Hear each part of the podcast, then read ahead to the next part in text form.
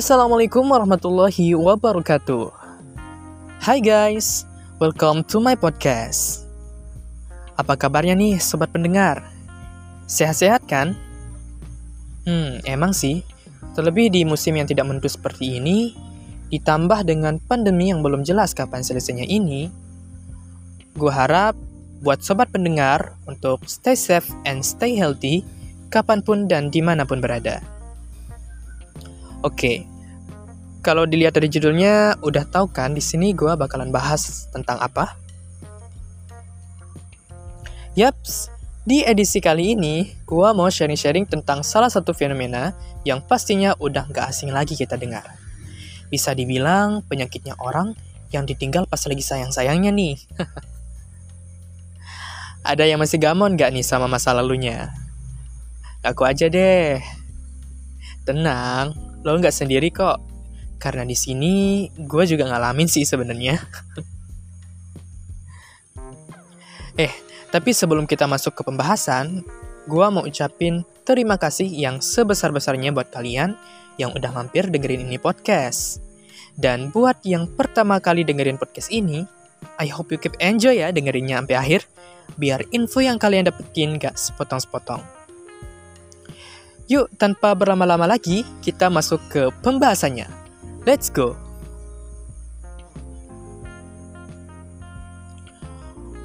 Pernah gak sih lo berada pada fase pasca lo diputusin pacar nih ya?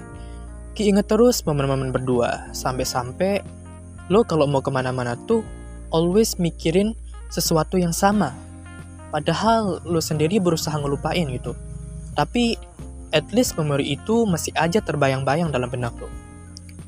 Gak enak banget kan? Ya jelas gak enak lah, karena tersebut justru mengganggu rutinitas lo sehari-hari. Terkadang kita sendiri lupa gitu, bedain antara masa lalu sama saat ini. Susah banget gitu nyadarin diri sendiri. Sebenarnya dalam pikiran lu, lu udah anggap kejadian itu sebagai masa lalu. Tapi hati lo kayak menolak gitu, ngelawan, yang ngebuat lo terus-terusan kepikiran dan lupa bahwa kehidupan lo yang sebenarnya ya saat ini, detik ini juga. Banyak yang akhirnya jadi gak mood ngelakuin apa-apa. Alhasil, ngurung diri di kamar terus. Nah, kondisi yang gue ceritain tadi adalah salah satu daripada banyak dampak seseorang itu gagal move on. Emang sih, mungkin saat ini lo berada di posisi yang free gitu, udah lepas dari pikiran tentang mantan lo. Eits, tapi jangan salah. Suatu saat ketika lo mendapatkan nasib yang sama lagi, bukan maksud gada ini ya. Maksud gue, misalkan lo udah siap gitu untuk menjalani hubungan baru. Berarti lo juga harus siap dong dengan konsekuensinya. Apa itu? Ya ini, ketika lu ditinggal pas lagi sayang-sayangnya. Kalau kata Bang Haji Roma Irama, hidup tanpa cinta bagai taman tak berbunga. Itu katanya para pujangga. Tapi jangan cinta buta.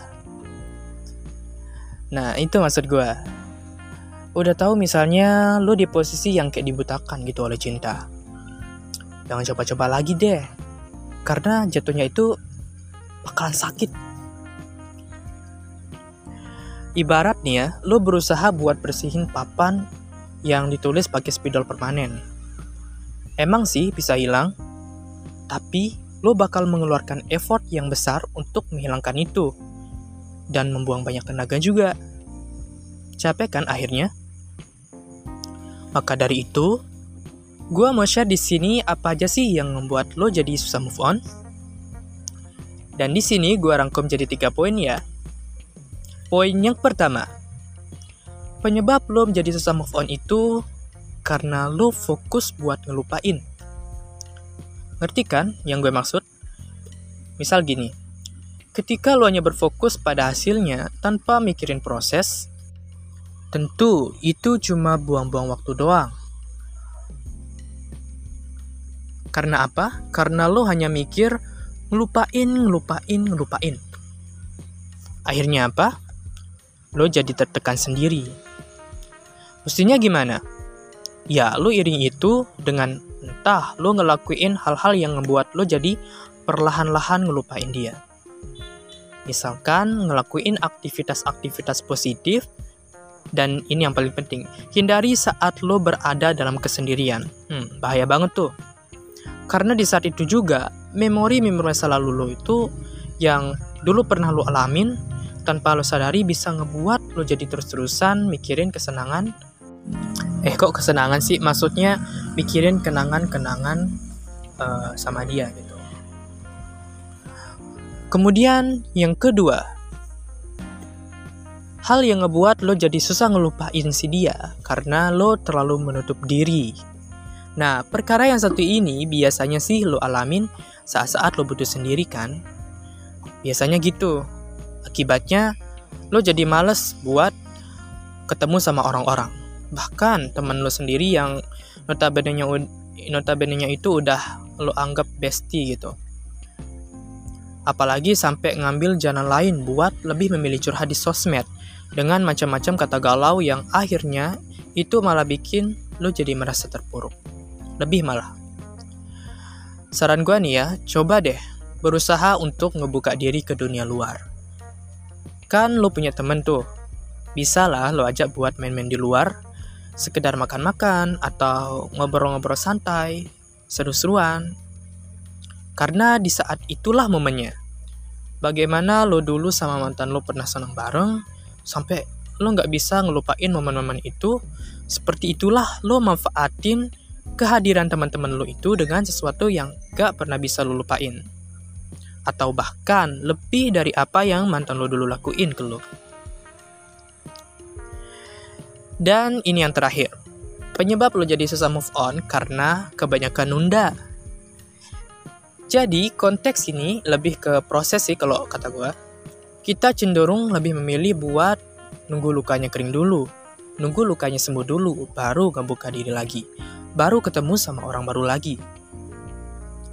Jadi gak gitu. Ibarat nih ya, sariawan. Misalkan lu sari, lu sariawan ya, lu pantengin aja tuh sariawan di mulut lu sambil lu pegang-pegang, lu mainin. Padahal kata dokternya, Udah, nggak usah diapa-apain. Jangan disentuh.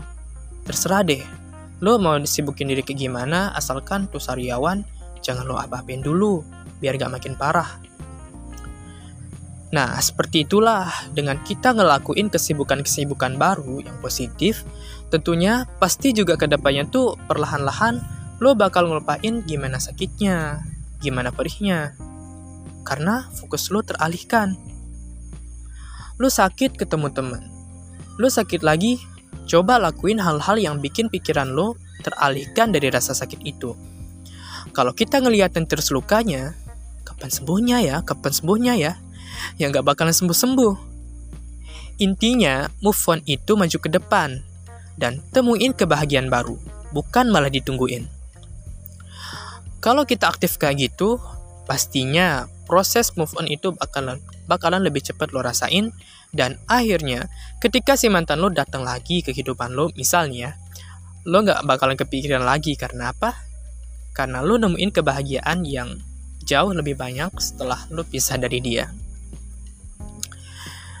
jadi masih mikir-mikir nggak nih atau ternyata ada yang relate dan sadar kalau oh pantas ya selama ini gua nggak bisa move on pantas ya selama ini masih kepikiran terus Nah, kalau lo pada udah sadar, cepet dah keluar dari zona nyaman lo dan sesegera mungkin cari cara, bukan ditungguin terus semuanya kapan. Sampai di sini dulu ya podcast dari ke kali ini. Para pejuang move on atau yang kini udah bisa ngelupain si dia, atau masih wanti-wanti nih ke depannya tuh bakalan kayak gimana.